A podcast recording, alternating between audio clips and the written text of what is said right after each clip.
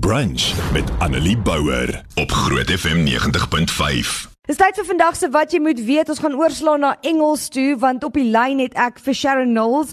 Uh, she's from Da Vinci Forensics en ons gaan bietjie gesels oor bankbedrog, oor scams, oor hoe om jouself uh, veilig te hou met jou bank app en al daai dinge. Sharon, how are you?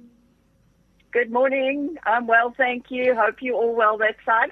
We are, thank you. I have to tell you the reason I'm doing this is last week I was a bit upset. Well, a bit is an understatement because there was 3,000 rand stolen from my bank.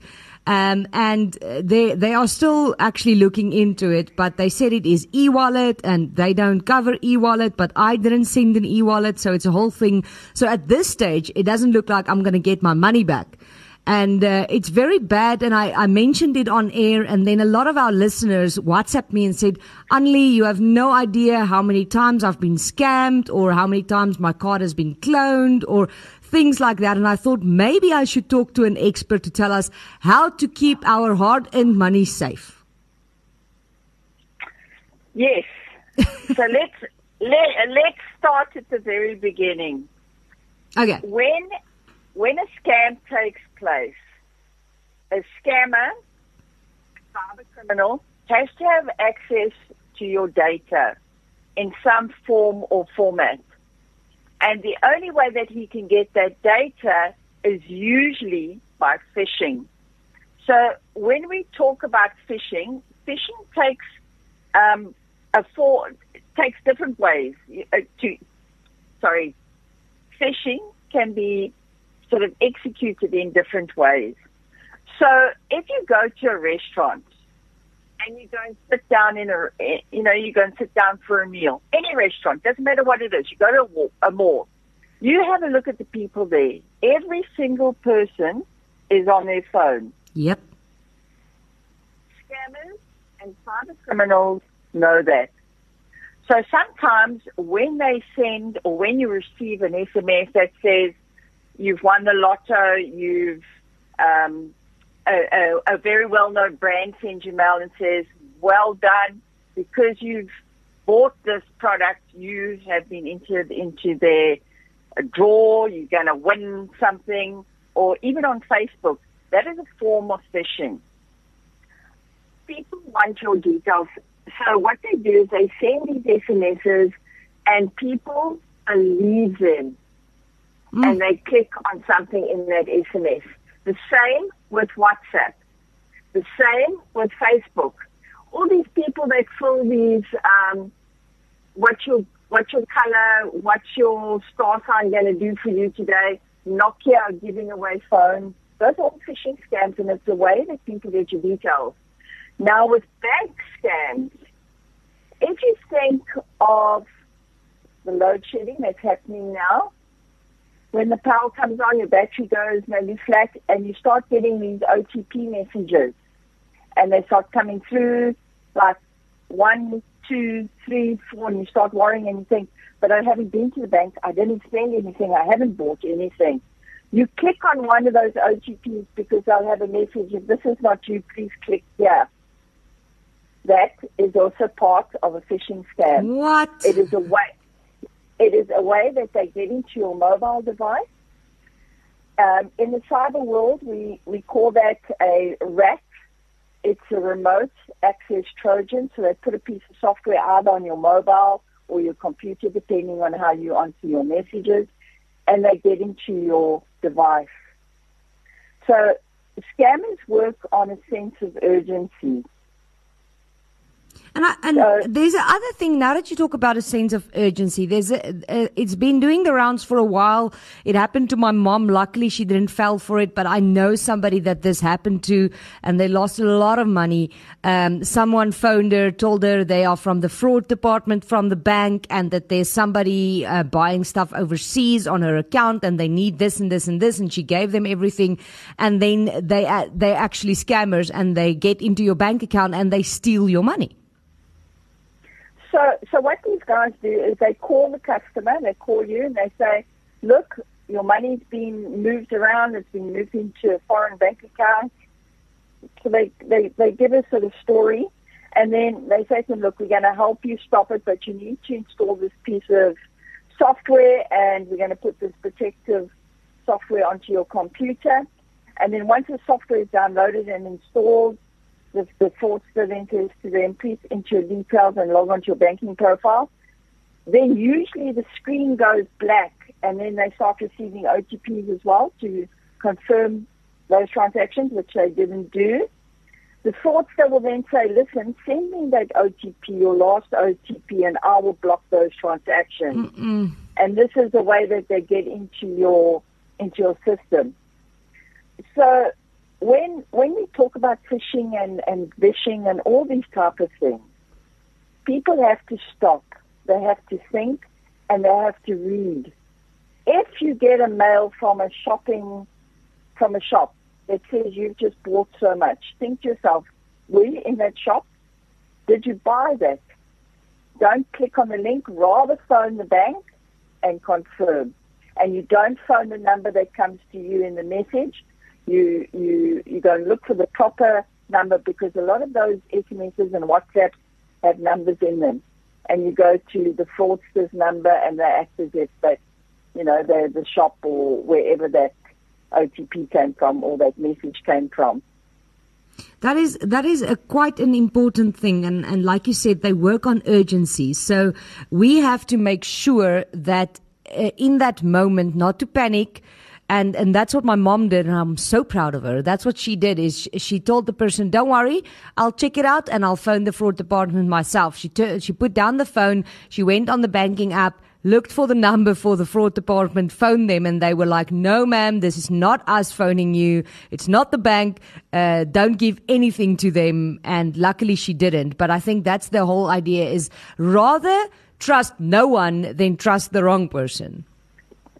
Yeah, so depending on the season, you'll get that type of email as well or message. So when it's SARS season, you'll get all these messages, and people don't think. You know, they get that message that says, you've been, um, SARS has given you money back. That excites all of us. We don't read the message properly. We don't check the message and we click on that link. And if we just read it, looked at it, and went through the official channels, we could protect ourselves. We don't give our pins out. We don't give our passwords out. We don't give anything that relates to us. And the one important thing is that to make sure your passwords are safe. You know, um, with all the education around passwords, people are still using simple passwords. And I, I say to a lot of my clients, use a phrase. I like dancing in the dark 2023 with a couple of little dookies after. Oh my word. Use a phrase that, use a phrase that you will remember. Don't use your children's names. Don't use your birthday. Don't use the dog's name. Because as a cyber security investigator, I can take your name and just a few details around you and go and build a full profile that I can actually take over your profile. And then the one other thing that I want to, to just remind people of these days is if somebody phones you and they say, um, am I speaking to Sally? Don't say yes or no. Respond in a way as, um, who am I speaking to? Because with AI coming in and all these voice messages now being recorded and used for fraud, you don't want to give simple answers. So, person phones, am I speaking to Sally? You respond by, who am I speaking or a phrase. You don't say yes, no, or simple words. You, you ask ask the question back. So it's not as simple to use your voice. Oh my goodness. And and there's so many things uh, technology is obviously uh, a great thing and and it makes our lives easier but with that also comes new scams, new cybersecurity problems. Uh, like you said AI I didn't even think of that. AI is something I didn't even uh, consider at this stage uh, recording your voice and using your voice and things like that. So uh, thank you for that. I think it is uh, it's very important. Uh, if you can give us one or two tips that you think is the most important at this stage to remember, what would that be?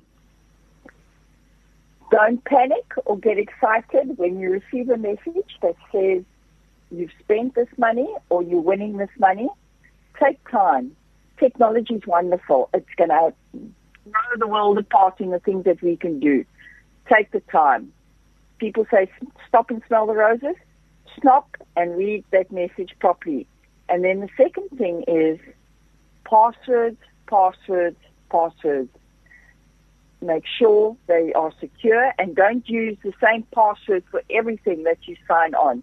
Because if I'm building a profile for you and I go and find one password, I will have access to, to a lot more details that belong to you. Another thing I see that's doing the rounds these days, and I, I don't know if you know how this works.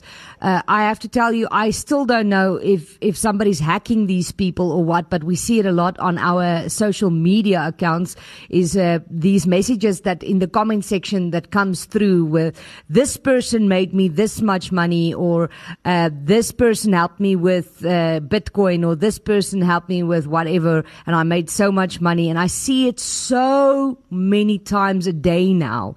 It's actually crazy. And I wonder if people actually believe that stuff, first of all. And secondly, these are legit uh, profiles. And I don't know how people get into those profiles to actually use it to comment. Okay, so there's, there's a number of things here.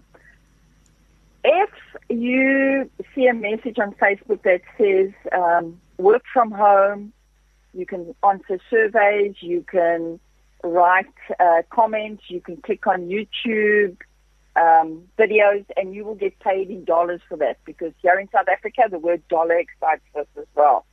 So we go and do that. You then need to get paid because you get a message saying you've done so much, we now need to pay you, and you give your bank details over. That's the one, the one thing. The second thing with these profiles, on Facebook you have these little surveys that come up. Um, if you click uh, block one, it will tell you what your personality is, um, what's your favorite color, all those type of things. They're collecting information. When somebody does something like that and they, they fill in one of those surveys, it opens up their profile.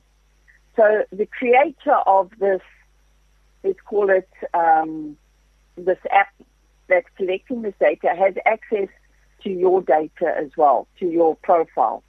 He then sends you the message. You get the same block and say, and it says Sharon's uh, profile A. She likes to um, drink coffee, this type of thing. What do you like to do? And you fill it in, and you open your profile and your friends. That's the first thing. Or you get a friend request from from somebody, and you accept the friend because we all vain in one sense. The more friends we have, the better we feel and it's not a real profile. Um, and, and you might interact with them and also, you know, you click on a link, they get access to your mobile because we use, most of us use Facebook um, predominantly on our, um, on our mobile phones. So, so just in terms of social media, especially Facebook, don't accept requests from people you don't know. Um, those little thingamajigs that they send you, what type of profile, what's your favorite color, don't do those. Okay, they are information, they collect information. You don't need to do those. Um, and you, you have to really read the messages that you get. If a friend sends you a friend request again, pick up the phone and say, hey, Sally, you sent me another friend request. Has your profile been hacked? Or, you know, what's happening here? And they might say, oh, yes, I did send it to you, or no, I don't know anything about it because they clone profiles. Oh my word! There's so many things to to think about. Um, I'm gonna. I, I won't be able to do all the listeners' questions now. I I do have one though that somebody sent through. They said that if you already gave your banking details uh, to somebody that you thought was from the bank or whatever, um, what do you do then? Because she says this happened to her yesterday, and they now have her details. So you've got to be diligent in checking your bank statements. The person that you gave your bank details to, I am assuming it's um, an official entity. Phone them and say, look, I give my banking details over. Um, you know, can we just go through my account and that? But check your statements. Um, there's nothing you can really do now if you've given your details over. You just you've got to be diligent. You've got to watch your messages that come through and make sure that they're genuine messages. Um, if somebody phones you saying we've received your bank details, we just need to go through a, a, a couple of things. Um, you know, just to check your details and that. The bank will never ask you for a PIN or a password, and challenge them back. Say, you know, they might ask you for your ID number, and so I'm not comfortable doing that. You read it back to me, and I'll tell you if it's true because they've got access to that information. So it's just about thinking what the person is asking you, not taking for granted that it is the person that they say they are, and making sure you read your messages or your emails or your WhatsApp because it is easy to send a phishing link. And the problem is because we're in a rush and we want to do this and we want to do that and we're multitasking, we don't take the time to read. Yeah. Sharon, thank you so much for your time. I really appreciate it. Um, and I hope that people are actually listening. and uh, because it's so easy, because I told somebody the other day, if people actually, if this didn't work, if people didn't believe these things, if they didn't click on the links, if they didn't give their details, it would stop happening. But the amount of messages that I get is telling me that people still believe it. Yeah. Just be careful and don't unload unknown software um, don't pirate movies and videos because it has software, some of them, not all of them, but it has um, hidden software in them. And then just read. Read your messages. Read your messages. Thank you very much, Sharon. Uh, I appreciate it uh, and I appreciate your time. Thank you very much. Have a nice day. Bye.